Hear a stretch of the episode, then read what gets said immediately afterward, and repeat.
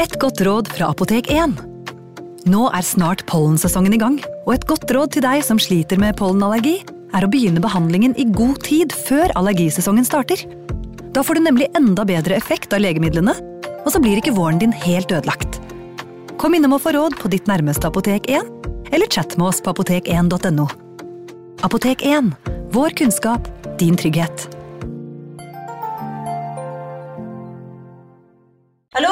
Jeg kommer fra Oslo politikammer.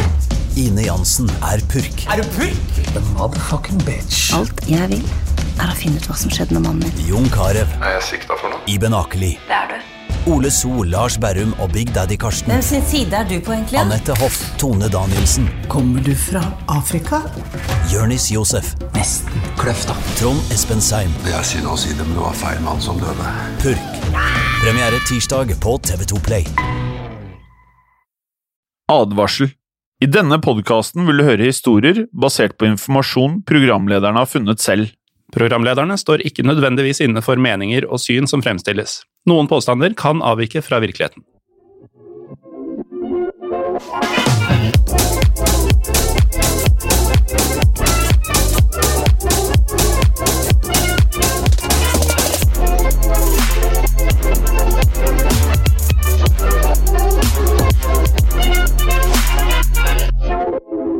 Velkommen til andre episode av sesong to av Historiepodden. Jeg heter Morten Gallosen. Og jeg er Jim Fosheim. Episoden i dag, Morten, har jeg gledet meg skikkelig til. Det er du ikke aleine om, eh, Jim. Eh, For det vi skal fortelle om i dag, det er jo eh, rart å si etter en hel sesong, men det er blant det første vi bestemte oss for at vi skulle ha med i Historiepodden. Ja, og jeg må jo spørre deg, vil du si at dette går under mafiakategorien? Eh, Definitivt. Den uh, mannen vi skal snakke om, han er så nært knytta til uh, den amerikanske mafiaen, men det kunne like gjerne vært uh, massemordere, drap Altså, den historien her er blodig. Si concordare. Italiensk? Si signore. Molto bene. Jeg har lyst til at vi starter dagens episode rett og slett med å høre hva mannen vi skal snakke om, si. Et sitat som er veldig klassisk han, tro det eller ei. Bare hør her. What did you want them to think as they died? Just see my pretty face. I take it to them. But the last thing they ever saw was me. And if they carry that glimpse to eternity, infinity, or whatever it is, they're going to be thinking of me all that time. Det er lett for lytterne å tenke at det er en overdrivelse å hevde at dette er klassisk for noen å si. Men det føles så riktig å melde. Han her styrer man unna. Men det var mange som da ikke klarte å styre unna den fyren her. Nei, han, øh, han var rett og slett en iskald, iskald drapsmaskin. Ja, og iskald er jo et godt stikkord her, for i dag skal vi prate om en massedrapsmann. En ekte psykopat som hadde The Iceman som kallenavn. Og det navnet passer utrolig bra uh, på typen han er. Men det er ikke fordi han var en kaldblodig morder at øh, han har fått dette navnet. Eh, han var det, men det er metoden han etter hvert øh, brukte for å drepe folk. Definitivt. Og vi skal jo prate masse om metoden hans, og vi skal jo også høre klipp av mannen selv fortelle om metodene sine. Ja, han snakker jo iskaldt også. Men eh, først så må vi jo plassere oss eh, tidsmessig, og eh, vi skal jo eh, tilbake til eh, en tid som kommer noe etter kanskje mafioso-gullalderen i USA, men mafia og deres eh, metoder var eh, fortsatt i live i USA på denne tiden, Jim. Nærmere bestemt skal vi til 50-tallet. Blant annet skal vi besøke noen gamle venner fra tidligere episoder av Historiebånden. Ja, disse gutta vi ble kjent med på 20-tallet, og de er jo der fortsatt eh, 30 år eh, seinere. Så definitivt. Ja, den, den kriminelle underverden, Jim, i, eh, i amerikanske storbyer. Eh, jeg vet ikke om de fortsatt brukte disse 30-tallsruene på snei, men eh, det er jo lov å håpe. Det er jo den stilen vi forbinder med dem, da, så jeg vil jo håpe på det. Og gjerne de derre eh, på engelsk pinstripede dressene. På norsk høres ikke like fett ut. Nålestripede dresser. Det er i det hele tatt et problem vi har iblant, at vi ikke finner et kult norsk ord for de fete, fete engelske variantene. Ja, Det er ofte best på engelsk. Eh, men som dere lyttere kanskje husker, så hadde vi da en dobbeltepisode om gangsterne på 20-tallet. Og vi var jo inne på dette med The Valentine's Day Massacre i sesong én. Ja, og dette foregikk jo stort sett i Chicago. Dit skal vi ikke nå, vi skal til østkysten. Vi skal til New Jersey og New York City. I den tiden vi skal tilbake til nå, er det ikke forbudstid lenger, som vi da var inne på med Chicago-episodene, men mafiaen har fortsatt masse ulovligheter de fremdeles kan holde fingrene i. De, de finner jo uh, sine ting å drive med. Svindel, tyveri, drap, uh, shady lån, narkotikasmugling. Alt det man ønsker seg av en type med denne mannens uh, CV. Og karen vi skal snakke om i dag, er i likhet med mye av den amerikanske mafiaen noe myteomspunnet. Det føles som at det er en larger than life-vib, på en skummel måte forbundet med navnet hans. Jeg syns ikke du overdriver nå, Jim. The Iceman hadde jo i løpet av karrieren sin fått flere vanvittige kallenavn av andre gangstere, som blant annet The One Man Army. Trenger du en hit, så er det jo en kar med renommé her man ønsker seg, vil jeg tro, da. Ja, Men ikke tro at The Iceman eller One Man Army var de hardeste kallenavnene, for han hadde også følgende, gitt da av andre gangstere, The Devil Himself. Og det føles veldig passende da, når det er andre gangstere som gir han disse navnene. Det er litt sånn som vi pratet om i disse Chicago-gangsterepisodene. Når de villeste gutta i underverden gir deg disse ekstreme kallenavnene, så forstår man eh, hvem som er best på å drepe i gjengen. Og The Devil himself het uh, i virkeligheten Richard Leonard Kuklinski. Han ble født i New Jersey i 1935 av um, en uh, Han ble ikke født av faren, men faren het Stanley. Stanley var en polsk immigrant med det vi kan kalle en forkjærlighet for alkohol. Han skal ha vært fryktelig voldsom, av uante proporsjoner, og når vi virkelig fikk en eh, klump i halsen når vi holdt på med dette her, var når vi fant ut at han da faktisk slo i hjel Richards storebror, når broren kun var åtte år gammel. Foreldrene var like iskalde som Iceman selv og fortalte politiet at broren hadde falt ned en trapp og man kan jo bare tenke seg hva det gjør med hodet til eh, Iceman som uh, ung gutt. Moren Anna var heller ikke en mønsterforelder, for å si det mildt, uh, Morten. Hun pleide å slå Iceman og broren, gjerne ved hjelp av et kosteskaft. Og Richard, altså Iceman, han har blant annet fortalt at hun kunne slå så hardt at kosteskaftet rett og slett brakk i to. Uh, Anna var jo strengt katolsk og mente at barn burde bli oppdratt med streng disiplin for å bli gode katolikker. Hun prøvde visst også å knivstikke mannen sin med en kjøkkenkniv på et tidspunkt, som kanskje da ikke virker så veldig overraskende når han faktisk da drepte den ene gutten hennes. Den gamle katolske skolen, det her. Jeg, jeg, vet ikke helt om det kommer til om veien til himmelen går gjennom drap, men uh, uansett så var ikke dette den lykkeligste familiesituasjonen. Det har du veldig rett i, Morten. Anna fikk Richard til å være en altergutt i kirken en stund, da. Men det varte ikke så lenge, for Richard var, som du sikkert kan skjønne, mindre interessert i å være altegutt. Noe han derimot var mer interessert i som eh, ung mann, det var ulike former for dyreplageri. Uh, Richard pleide annet å knyte sammen halene til katter med tau, for så å kaste disse kattene over klessnorer, hvor de da ble hengende på hver sin side og klorte hverandre til døde. Han kunne også brenne kattene levende og torturerte løshunder mens han fantaserte om å myrde faren sin. Ganske forstyrrende hobbyer han eh, fyren her har, altså. Har du sett noe særlig på Dexter? Ser du om han derre eh, sjarmerende eh, superseriemorderen? Ja. Uh, i, I den så kommer det stadig frem at Dexter viste morderiske tendenser allerede som barn, og adoptivfaren lot jo da Dexter ta livet av diverse dyr de fant, sånn at han skulle få Eh, stilna dette suget etter død uten at han tok livet av mennesker. Og det høres jo nesten ut som om eh, de som har skrevet bøkene om Dexter, eh, er inspirert av godeste Richard Kuklinski her. Det vil jeg si, men da han ble eldre, så fikk Richard seg en helt normal jobb, han, på et varehus. Han giftet seg med en dame som het Linda, og sammen fikk de to sønner, da. Men om historien sluttet der, så hadde jo denne episoden blitt litt kjedelig, Morten. Ja, den hadde vært uh, tynn. Uh, heldigvis så er vi så vidt i gang, for uh, på dette varehuset så jobbet også Barbara Pedrici, en uh, sekretær som Kuklinski inngikk i et forhold til. Og I et senere intervju så fortalte Barbara at hun en gang hadde prøvd å slå opp med Richard mens de krangla i bilen hennes. kan du se for deg reaksjonen hans på dette, Jim? Jeg Kan liksom ikke skjønne at han skulle bli noe sint for det. Nei, da ble ikke det sint i det hele tatt. Han ble faktisk det. Uh, Kuklinski hadde da funnet frem en skarp kniv og stakk henne i ryggen. Uh, hun sier at kniven var så skarp at hun ikke engang kjente det gå inn. Hun følte bare plutselig at blodet rant nedover ryggen. Mm. Han sa at hun tilhørte han, og at hvis hun forlot han, ville han da drepe hele familien hennes. Så hun gjorde det eneste logiske. Hun gifta seg med Richard Kuklinski. Selvfølgelig, og da var vi kommet til 1961. Ja. Eh, De fikk tre barn, og Barbara sier at eh, Kuklinski byttet på å være en eh, good Richie og en bad Richie. Når han var good Richie, var han hardtarbeidende mann som var en god far og ektemann, og som var veldig glad i å være sammen med familien sin, angivelig. Men så var det bad Richie, da. Han kunne være både voldelig, full av raseri, og han kunne også bare bli borte. Ja. Han forsvant. Han kunne være borte i noen dager, og iblant til og med flere måneder av gangen. Og selvfølgelig, når han bare ble borte, eller når han var voldelig mot familien, da var han bad Richie. Som en gang da Barbara kom sent hjem, Morten, så valgte jo da Kuklinski å drepe hunden hennes foran henne. Altså, Dexter har jo ingenting på han fyren her. Oh no. På grunn av denne trusselen om Bad Richie spurte hun aldri hvor han var, hvor han dro, når han forsvant. Hun regnet med at dette var jobben hans, faktisk.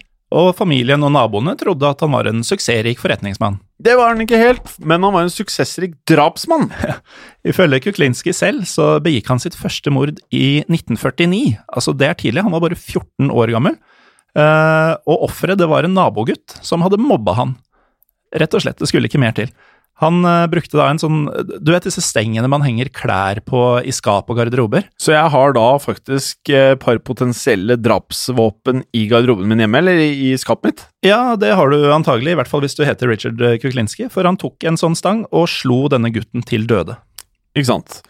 Faktisk så påstår han at da han giftet seg med sin intetanende nye kone da i 1961, som vi har sagt, så hadde han allerede der begått 65 drap! 65, og kona skal da ikke ha hatt noen anelse om hva han drev med.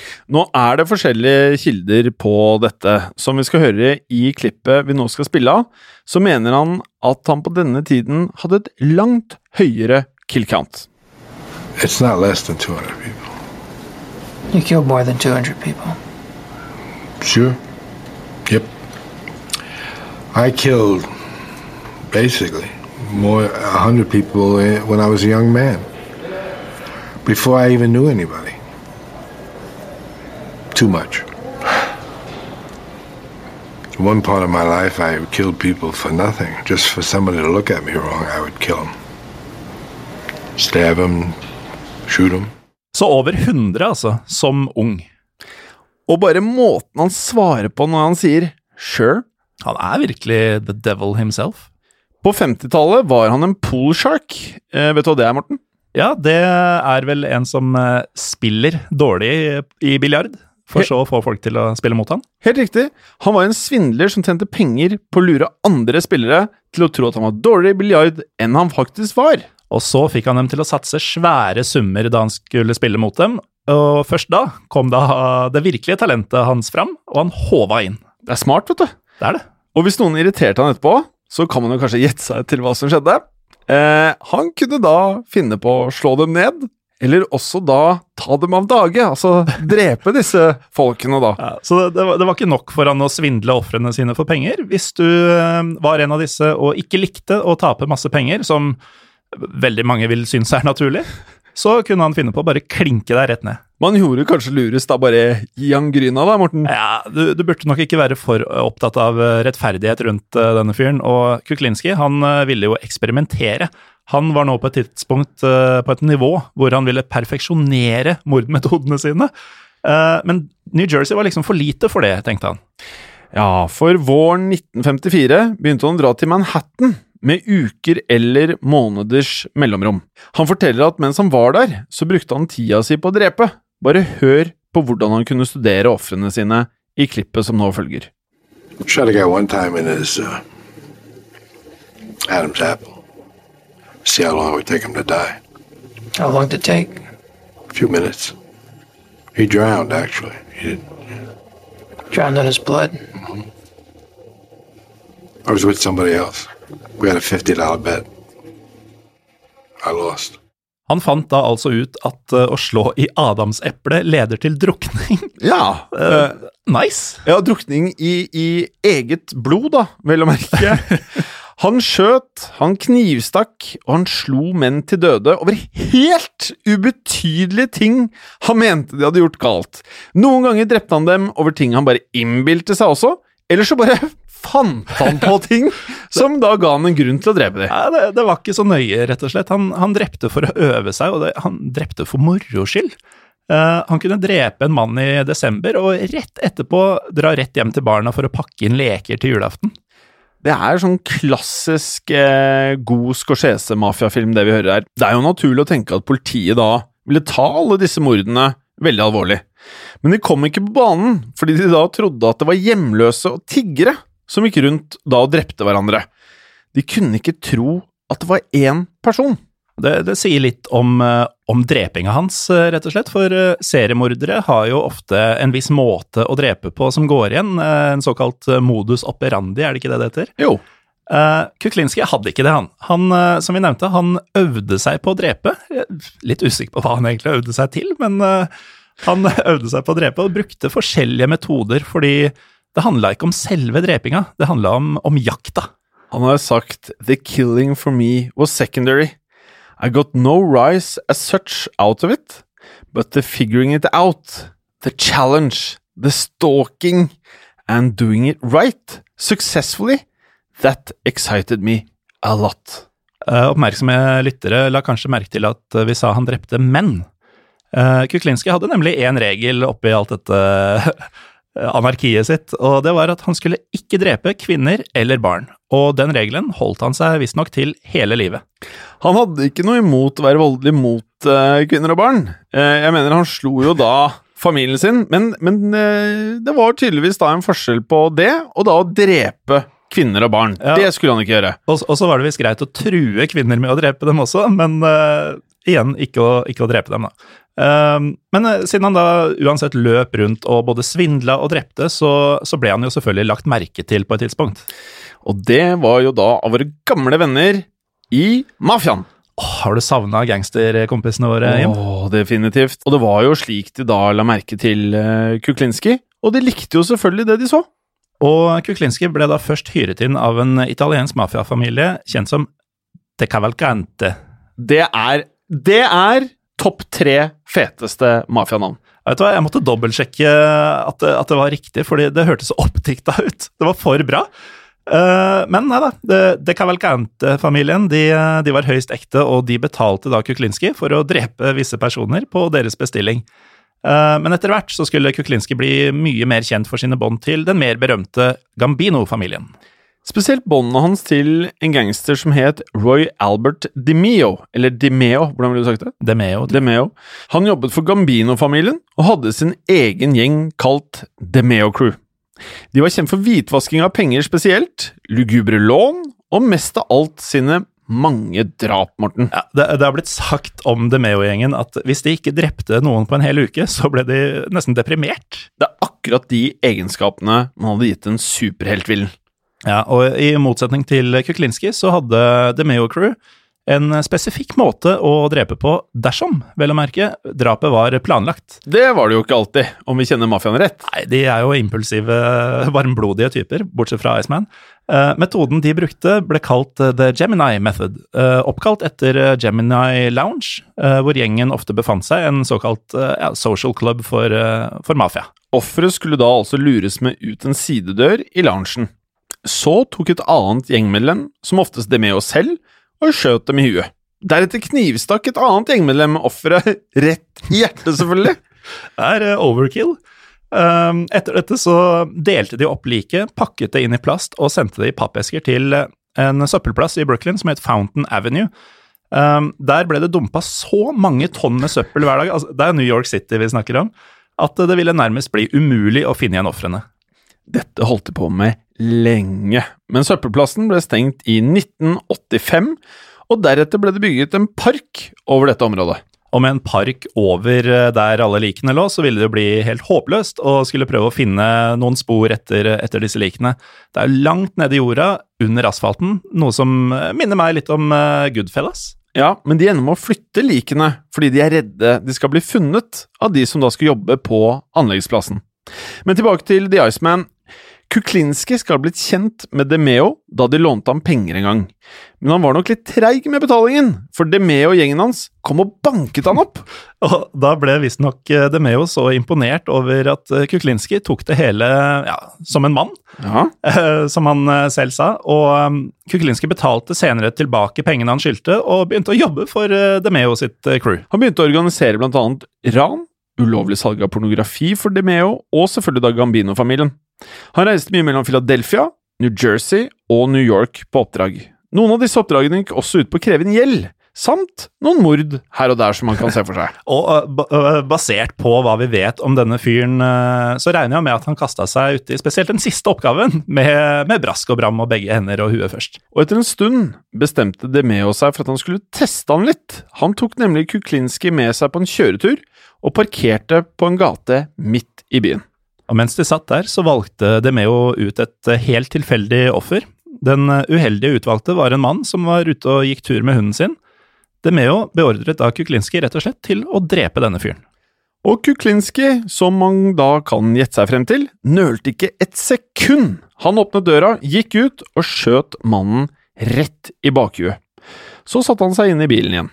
Iskaldt. Han kalles jo The Iceman, selv om det kanskje ikke er for akkurat dette, da. Nei, vi kommer tilbake til opphavet for det navnet om litt, men først skal vi ha en kort pause. Og når vi kommer tilbake, så vil vi få høre hvorfor kallenavnet hans var så velfortjent. Dersom du liker Historiepodden, vil vi anbefale at du sjekker ut lignende podkaster fra moderne media. Som for eksempel Skrekkpodden og True Crime-podden. De er å finne overalt der du lytter til podkast, som for eksempel iTunes og Spotify.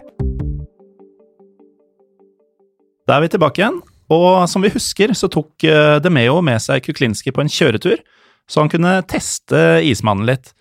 Der myrdet Kuklinski en uheldig mann som gikk tur med hunden sin. Demeo han var imponert han over Kuklinskis eh, vilje til å følge ordre uten å nøle. Og etter dette ble Kuklinski hans nye favoritt-hitman.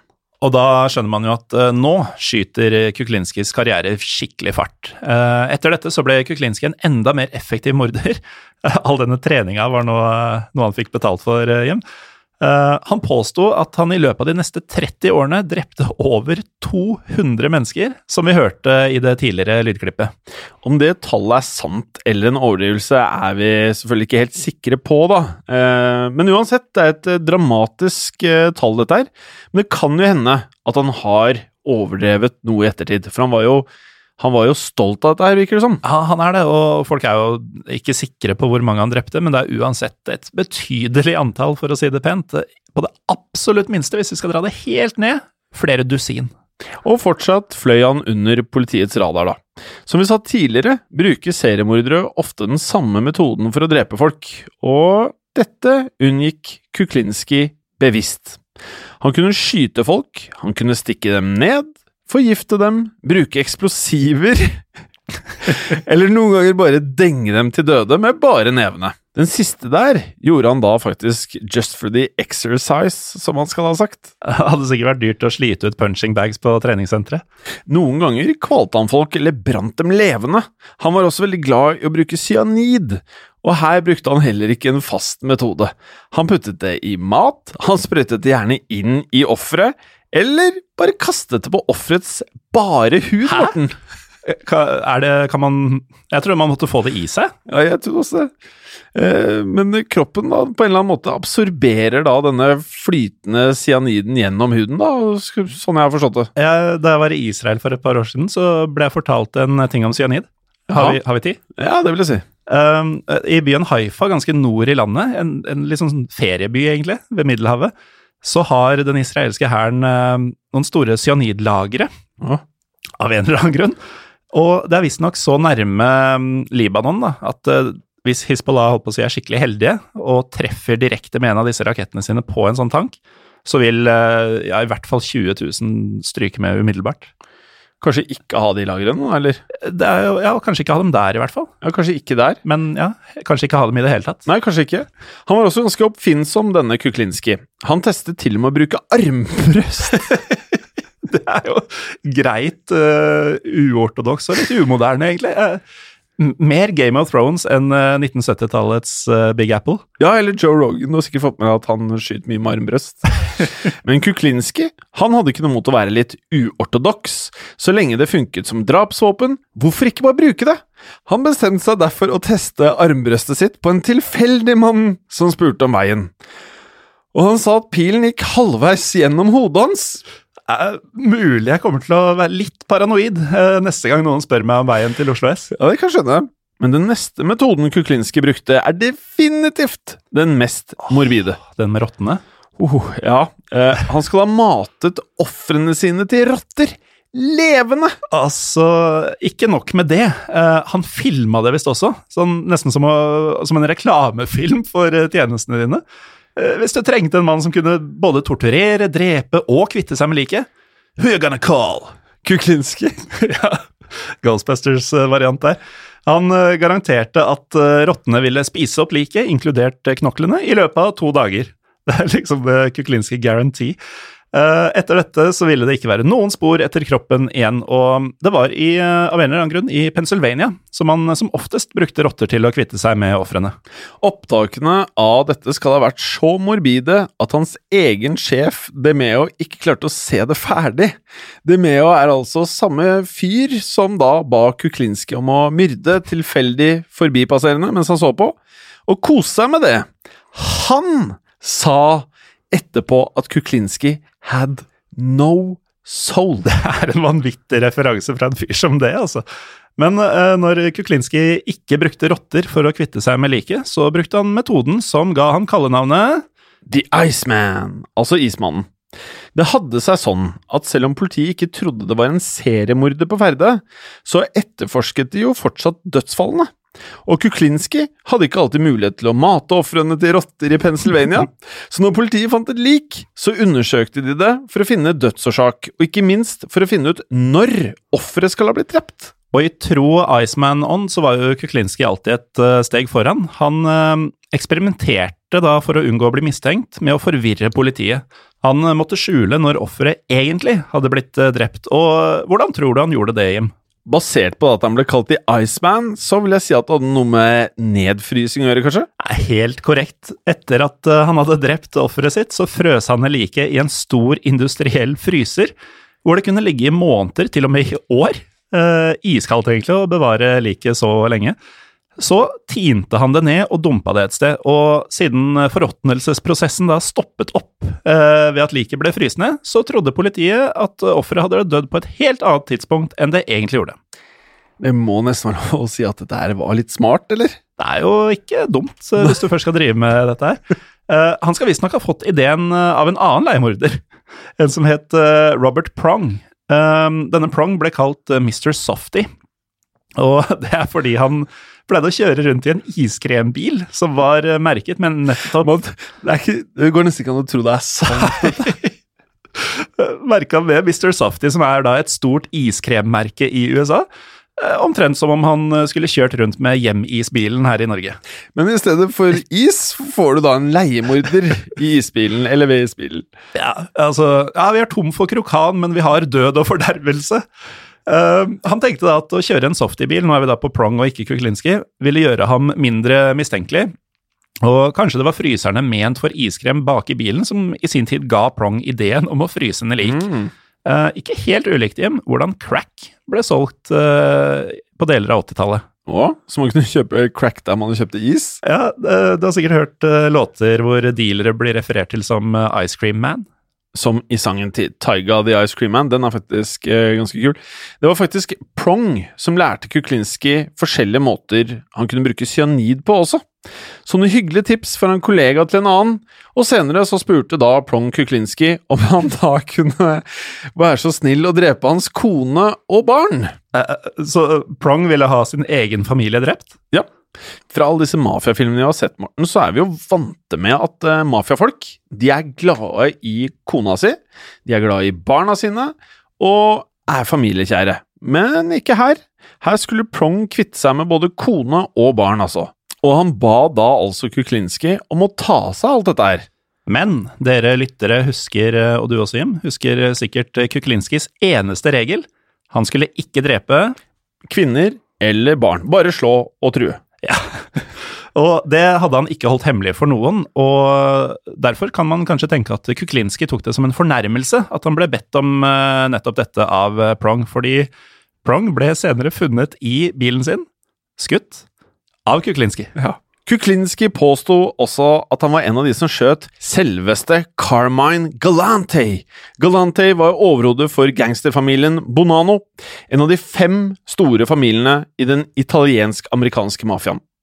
Han ble kalt Sigaren fordi man alltid så med en sigar i munnen. Det er jo, det er jo klassisk eh, mafia, da. Italian mafia. Ja. Sigaren beordret drapet på minst åtte medlemmer av Gambino-familien, den som Kuklinski var en del av. Sigaren anså da tydeligvis Gambino-familien som sine erkefiender, og ville ta livet av de åtte medlemmene for å ta over narkotikasmuglinga i eh, byen. Og den profitten, den nekta han å dele med de andre familiene. Det likte ikke de andre familiene, og det visste Galante. Likevel sa han No one will ever kill me, they wouldn't dare. Da er du ganske tro, trygg på egen eh, stilling. Det er store ord, for eh, vi vet jo at mafiaen eh, ikke akkurat motvillige til å trykke på avtrekkeren når noen rubber them the wrong way. Nei, De var liksom ikke redde for å ta livet av folk, de. Nei, selv noen så mektige som Galante. Da han sa at ingen ville tørre å drepe han, så tok han feil. Veldig feil. For den 12. juli 1979 dukket opp tre maskerte menn i restauranten der han spiste lunsj, og skjøt ham. Det ble tatt eh, bilde på stedet senere, og der kan man se at selv som død, så hadde Galante fortsatt en sigar i munnen. Så kallenavnet hans var trygt velfortjent her. Men hadde ikke Galante noen livvakter med seg som eh, beskyttelse her, eh, Morten? Denne dagen hadde han visstnok med seg to. Eh, Vitner forteller at da de maskerte mennene løp inn og åpnet ild, så gjorde livvaktene ingenting. Og etterpå, da sjefen deres lå død på gulvet, så reiste de seg, hadde tydeligvis sittet på stoler, og gikk stille ut. Ja, vel ikke sånn særlig mistenkelig, de hadde vel ikke noe med dette å gjøre, de? Kanskje? Nei, dette så de ikke komme, tydeligvis. Lukter ikke bestikkelse her. Men Kuklinske, da? Var han eh, en av de maskerte drapsmennene, tror vi? Man har identifisert de involverte, og der er ikke Kuklinskis navn med, så svaret er mest sannsynlig nei. Han har antagelig løyet om sin deltakelse i akkurat denne operasjonen. Eh, og vi må jo si, Han har jo blitt intervjua i ettertid, som vi har hørt et par klipp av. Det er ikke sikkert at absolutt alt han sier, er sant. Vi må likevel høre et klipp til om hvor lett det var for han å drepe, og hvor, eh, ja, mildt sagt oppfinnsomme disse metodene han hadde, var, da. Maybe, maybe this is original, and maybe not, I don't know, but I uh, put the rope around his neck, twisted it, and threw him over my shoulder and held him there. So actually, he, I was the tree hanging him. Yeah. And he eventually just stopped kicking. And I let it loose at one end. He slid down to the ground. I put him over by the garbage and uh, left. Det er altså så um, ja, bone-chilling er det beste ordet jeg har kommet på, apropos mangel på norske ord. Men vi må komme oss tilbake til Roy DeMeo her, eh, Morten. Altså lederen for The DeMeo Crew. Altså samme mann som testet Kuklinskis drapsevner mens de var på kjøretur. Han ble nemlig drept, han, 10. januar 1983. Og det kan faktisk hende at det da var Kuklinski som drepte han. Ja, for det, det har seg jo sånn at eh, selv om Kuklinski ble DeMeos yndling på den kjøreturen, så både truet DeMeo han ved tre anledninger og ydmyka han flere ganger foran resten av crewet. og vi har jo skjønt at The Iceman tok ikke fornærmelser veldig pent, og han hadde sverga at en dag så skulle han ta hevn og drepe DeMeo. Ja, han var ikke så glad i det. Litt før han var blitt drept, hadde FBI fått ferten av DeMeo. Gambino-sjefen Paul Castellano, eller Big Paul som han ble kalt, krevde derfor at DeMeo skulle drepes. Ja, for da kunne han jo ikke pågripes eller sladre om familiens aktiviteter. Eh, faktisk så ble Demeos eget crew beordret av Castellano til å drepe han. Men det var ikke noe de rakk, før eh, liket hans dukket opp i eh, bagasjerommet i Cadillacen hans. Nei, og her er det mange teorier om hvem det var som egentlig drepte han. En av dem er fra en biografi om ismannen sjøl, kalt uh, The Iceman, Confessions of a Mafia Contract Killer, hvor forfatteren påstår at Kuklinski møtte DeMeo i bilen hans og skjøt ham. For deretter å pakke liket ned i bagasjerommet. Det finnes jo også andre teorier her, men eh, det er dette Kuklinski har hintet til, i hvert fall i intervjuer, at var det som skjedde. Ja, og nå med Demeo ute av veien, så startet Kuklinski sin egen kriminelle virksomhet, hvor han eh, fortsatte å drepe for penger, eh, selvfølgelig, men nå utenfor mafiaen. Ta for eksempel skjebnen til Paul Hoffman, som drev en rekke apoteker, i en dokumentar kommer det fram at Kuklinski ville selge Hoffmann en gedigen haug med medisiner som Hoffmann da kunne selge videre gjennom apotekene sine, selvsagt både billig og ulovlig. Hoffmann møtte Kuklinski på et varehus med 25 000 amerikanske dollar i kofferten. Men da Kuklinski hadde fått pengene, tok han fram en pistol og erklærte at hele handelen var lureri, og skjøt Hoffmann i huet. Men det tok visstnok ikke livet av Hoffmann, og da Kuklinski prøvde å skyte igjen, så gikk pistolen i lås. Heldigvis hadde han jo trent på utallige metoder for å drepe folk, så han uh, fant et jernrør og banka Hoffmann til døde med det. Og vips, så var Kuklinski 25 000 dollar rikere. Og sånn ble det business av. Og nå var Kuklinski blitt vant til at han fikk det som han ville. Og hva skjedde da, Morten? Dersom uh, andre gangsterhistorier er en pekepinn, så tipper jeg han ble uforsiktig. Nettopp. Han ble for komfortabel. Ettersom ting hadde gått så bra i 30 år, så tenkte han vel kanskje at det kom til å gå bra i 30 år til, Morten. Og det er jo et par ting man skal passe seg for. Overmot er en av dem, og um, spesielt i ismannens tilfelle, utålmodighet. Hans første store feil ble oppdaga den 27. desember 1982 en stor feil ved navn eh, Gary Smith, en mann som eh, Kuklinski pleide å stjele biler sammen med. Ok, de må ha kommet på kant med hverandre, for 23. Eh, desember tok Kuklinski ham med til The York Motel og spanderte en hamburger på han. Det høres jo hyggelig ut, men hva tror du var i den burgeren, Jim? Tja, det må vel i hvert fall brød, kjøtt, tomat og kanskje en dråpe cyanid, da, eller? Jeg er ikke sikker på om det var tomat der, men cyanid var det rikelig med. Men uh, Gary han må ha vært litt uh, seig, for han brukte lang tid på å dø av denne giften. Ja, litt sånn Rasputin-aktig det, altså. Nettopp. Og, og, det tok for lang tid, mente en utålmodig Kuklinski, så han fikk, uh, fikk vennen sin til å kvele Gary med en lampeledning, som sikkert lå tilgjengelig for han. Uh, bilen som skulle kjøre dette liket av gårde, dukka ikke opp, så igjen måtte Kuklinski improvisere og putta Garys lik under sengemadrassen, hvor liket ble liggende i hele fire dager. Men uh, var det ingen som oppdaget det før det, da? Det måtte jo ha luktet voldsomt, dette her, da?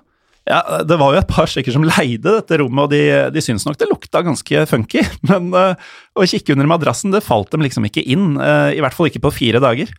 Det betyr at noen av dem sov oppå et lik uten å være klar over det? Det er ganske morbid, og tenk å innse det i ettertid når du blir spurt ut av politiet. Har du sett noe? Nei, men eh, Men hvis Kuklinski bare hadde vært litt mer tålmodig og latt Gary dø av denne cyaniden, så hadde jo politiet mest sannsynlig ikke sett på det som et drap, for eh, det er vanskelig å finne cyanid i døde kropper, har jeg lest. Eh, men siden Gary da hadde disse kvelemerkene rundt halsen, så tenkte jo politiet at dette var nok fort et drap, altså. Ja. Ismannen gjorde sin andre feil under et halvt år senere, 1983. Den 14. mai fant en syklist et lik av en annen av Kuklinskis eh, forretningspartnere. Det var Daniel Depner, mannen som tidligere hadde hjulpet han med å kvele den andre feilen, Gary Smith. Kroppen var blitt eh, dumpa bare fem kilometer unna en ranch der eh, Kuklinski og familien hans ofte drev med ridning, noe som politiet syntes var svært mistenkelig. De to første feilene ville etter hvert kaste mistanken på han, men den tredje feilen avslørte hvordan han hadde lurt politiet. Den 25. september 1983 fant politiet liket av Louis Masquet i Orangetown, New York. Men da de undersøkte liket denne varme septemberdagen, oppdaget de noe veldig mistenkelig. For inni kroppen så fant de iskrystaller. Eh, tydeligvis hadde ismannens utålmodighet slått til igjen. Han hadde nemlig hatt dette liket i fryseren sin i hele to år for å skjule drapstidspunktet. Det høres jo ut som en tålmodig del av prosessen, da. Ja, eh, to år er jo ganske lenge, men han skulle nok kosta på seg et par timer til, fordi da Kuklinski skulle dumpe dette liket, så gadd han nemlig ikke å vente til det hadde tint 100 og da fant politiet endelig ut at morderens modus operandi var å fryse ned ofrene sine, og det var politiet som ga han navnet Iceman. Nå knyttet de fem uløste mord til Kuklinski. som var den siste som hadde sett dem i live. Det var apotekeren Hoffman, Gary Smith, som ble kvalt med en lampeledning, Daniel Depner, dumpet ved ranchen, og den utinte Maskey. Og Det siste drapet var på George Maliband, en annen mann som ble funnet i Jersey City i New Jersey i 1980. Og nå begynte New Jersey Criminal Justice Department sin Operation Iceman. En etterforsker som het Pat Kane, hadde brukt hele seks år på å samle informasjon om Kuklinski, men fra 1985 ble det mer fart i sakene. Politiet bestemte seg for å fange Kuklinski in action. De måtte da lure han så de kunne ta han på fersk gjerning, og for å gjøre det så sendte de inn en uh, undercover-agent. Litt sånn som uh, James Bond eller uh, Reservoir Dogs eller Donnie Brasco. Denne agenten ga seg ut for å være en leiemorder ved navn Dominic Michael Provenzano. Med andre ord et italiensk navn, dette her, da, eller? Passende nok, siden vi tross alt snakker om den italienske mafiaen, stort sett. Provenzano samarbeidet med en venn av Kuklinski som het Phil Solomin. Og grunnen til at jeg prater om nettopp han, er fordi Kuklinski sa senere at Solomin var den eneste vennen han ikke drepte. Kuklinski sa I'm serving a multi-life sentence because of my one friend, and he was the only friend I didn't kill. Han drepte alle de andre vennene sine? Da, da er det nivå på vennskapet, føler jeg. Denne spesialagenten fikk hjelp fra, fra, vennen til å komme nærme Kuklinski, og etter en stund så sa han at han ville hyre Kuklinski til et drap, og så tok han opp samtalen der han fikk høre alle detaljer om hvordan Kuklinski hadde tenkt å gå frem. Akkurat dette drapet virker det da som det ikke ble noe av. Men den 17. desember 1986 møtte agenten Kuklinski for å gi han litt cyanid for et annet mord de hadde planlagt sammen. Denne samtalen tok agenten også opp. Etter det gikk Kuklinski en liten tur og testet cyaniden han hadde fått, på en løshund han traff. Og han gjorde det lurt i å teste dette, fordi den eh, hunden den logra videre, den uten noe tegn til eh, forgiftning. Og dette gjorde selvfølgelig ismannen mistenksom, så i stedet for å dra tilbake for å utføre mordet, så dro han hjem, uten at det hjalp noe særlig, for uh, to timer senere så ble han og kona Barbara omringet av uh, politibiler i full sirenemodus. Da politifolket sto der med pistoler siktet mot hodene til dem begge, var Barbara selvfølgelig både forvirret og redd. Hun prøvde å hindre at politiet la mannen hennes i håndjern, men da kom etterforsker Pat Kane bort til henne og sa He is a murderer. Altså, Tenk å få den beskjeden, fordi eh, så vidt vi vet, så hadde hun ikke Hun hadde ikke peiling på hva mannen hennes hadde holdt på med i det hele tatt. Og nå måtte selveste Devil himself, ismannen, The One Man Army, gi tapt, altså. Nå var eh, festen slutt for denne enslige hæren. Han eh, ble dømt for seks mord, Pat Kane mente han kunne ha drept opptil 300 mennesker, altså et enda høyere tall enn det Kuklinski selv skal ha anslått. Du må jo miste tellingen når det er så høye tall det er snakk om. Ja, men tenk at uh, vi har jo hatt inntrykk av at han skryter litt uh, mm. av disse greiene, og så kommer Kane og sier at det antagelig var flere enn det han sier. Uh, Kane sa nemlig at The Iceman killed who he wanted, whenever he wanted. Ut ifra det vi har lært om eh, Kuklinski her, Morten, så føles det utsagnet noe man må bare si seg enig i. Greit enig der. Greit enig, men Kuklinski ble altså kun dømt for seks mord. Det var alt de klarte å finne bevis på. Han ble uansett dømt til flere livstider, som han da kan tydeligvis få i USA. Og når man først sitter i fengsel resten av livet, så kan man like gjerne finne på noe å drive med. Så Kuklinski han begynte etter hvert å la seg intervjue av uh, egentlig de fleste som spurte, uansett om de var uh, psykiatere, kriminologer, forfattere eller til og med TV-produsenter. Og det er jo derfor, Jim, at uh, vi vet så mye om ting han ikke ble dømt for. For dette har han, har han jo da fortalt på egen hånd i disse intervjuene. Han fortalte ikke nok til å bli siktet for noe særlig mer enn det han var dømt for, men det var nok litt uh, for å fascinere omverdenen og skape og bygge opp under denne myten rundt hans person. Omverdenen har jo blitt fascinert, fordi uh, det har i kjølvannet av dette kommet uh, tre dokumentarer, to biografier og til og med en film om The Iceman. Så hvis du er spesielt interessert i denne karen, og det bør det jo være etter alt vi har fortalt deg, så ligger disse dokumentarene lett tilgjengelig på HBO. Filmen heter The Iceman og kom da ut i 2012, med Michael Shannon som Kuklinski. Den har jeg faktisk ikke sett, så den, eh, den, må jeg jakte på. Michael Shannon spiller også for så vidt i en uh, annen gangsterserie da, på HBO, som er Boardwalk Empire. Ah. Og der spiller han en norsk eh, ja, spritsmugler, om du vil, eller han brygger ulovlig brennevin.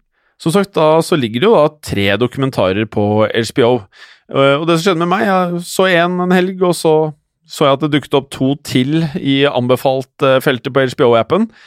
Og da tok jeg like greit og klemte gjennom alle tre dokumentarene, og det kan jeg faktisk anbefale hvis du syns det er eh, veldig interessant, for at de er forskjellige, og man får oppleve Kuklinski i forskjellige faser av livet, selvfølgelig. Han blir eldre etter hvert, og han blir ærligere, føler jeg, da, på alt han har gjort. Så du får et fullt bilde av han. da. Ja, Så det betyr kanskje at du også skal se alle tre, da, eller? Det blir fort det, altså. Og nå er det jo helga. Uh, Jim Kuklinski ble jo fengsla i 1988. Er han fortsatt i live bak lås og slå? Nei, han skulle da faktisk utvikle noe som kalles eh, Kawasakis syndrome, og det skjedde i 2005. Eh, og det er da en slags type betennelse da som man får i blodårene.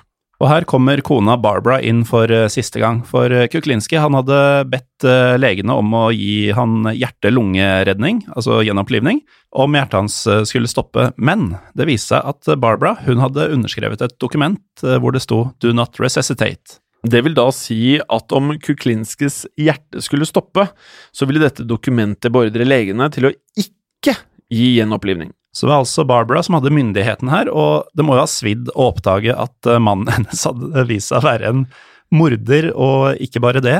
Eh, eller kanskje var det at han hadde vært voldelig mot henne og barna som eh, gjorde dette? Det er jo bare noe vi kan spekulere i, men når det begynte å gå riktig ille for Kuklinski, så ringte sykehuset henne igjen og lurte på om hun kanskje ville trekke tilbake denne ordren. For han ville jo selv ha gjenopplivning, men hun sa ganske bestemt nei, hun skulle ikke trekke dette tilbake. Og en uke etterpå, den 5. mars 2006, døde Richard Kuklinski. Tenk det, han banka opp og drepte folk i over 30 år, men han skulle altså dø av sykdom mens han satt i fengsel. Litt som da vi snakket om Al Capone i sesong én. Denne superkjente gangsteren som døde av syvflis til slutt, da. Noen av disse gutta døde på langt mer udramatiske vis enn eh, det kanskje myten skulle bygge opp til at de skulle. Altså, livet til disse to gutta som vi nevner, de eh, var ganske mye fetere enn døden deres, kan man si. Og med det, Morten, så føles det ut som vi har pratet om en av de mest effektive og legendariske morderne gjennom tidene, eller i hvert fall som vi vet om, da. Og grusomste. Vi tenkte å avslutte denne episoden med nok et lite lydklipp fra uh, The Iceman. Uh, men før det så ønsker vi å minne dere på at dere kan følge oss på Instagram, som er uh, Historiepodden Norge. Facebooken vår, som er Historiepodden Norge. Og så setter vi da som vanlig utrolig pris på at dere rater oss på iTunes. Eh, vi er jo glad i disse femstjernene, vi, da. Fem stjerner liker jeg svært godt. Ja, du gjør det? Ja, Og denne historien eh, om Iceman syns jeg virkelig fortjener en femmer. Og så en liten, altså Et hint til neste ukes episode er jo da at vi skal hjem til Norge, mitt Norge. mm, endelig sesong tos første episode fra hjemlandet. Yes. Morten, Hjem. det har skjedd. Og det kan skje igjen. Vi avslutter faktisk med noen siste ord fra Ismannen denne gangen, der han. Oppsummerer seg selv ganske effektivt. Ja, det vil jeg absolutt si. Did you think of yourself as an assassin? Assassin. Sounds so exotic. I was just a murderer.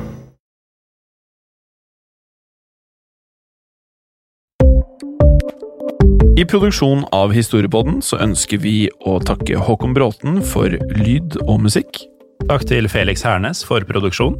Takk til Torgeir Johansen for kommersielt arbeid. Takk til Ellen Froktenestad for tekst og manus. Og takk til deg, Morten Galesen, for programlederrolle. Og takk til deg, Jim Fosheim, for programlederrolle.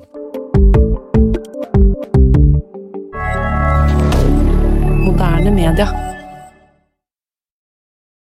Har du et enkeltpersonforetak eller en liten bedrift?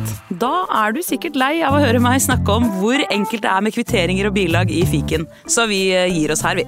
Fordi vi liker enkelt. Fiken superenkelt regnskap. Hei, og takk for at du lytter til Historiepodden. Skulle du ønske at du kunne høre en ny episode av Historiepodden hver eneste uke? Vel, da er det én ting å gjøre. Da kan du laste ned podkastappen Untold med det samme. For i tillegg til ukentlige episoder av podkaster som Historiepodden andre verdenskrig, Henrettelsespodden og også Gangsterpodden, så får du masse annet reklamefritt og også eksklusivt innhold. Last ned Untold i AppStore eller Google Play og start din 30 dagers gratis prøveperiode allerede i dag.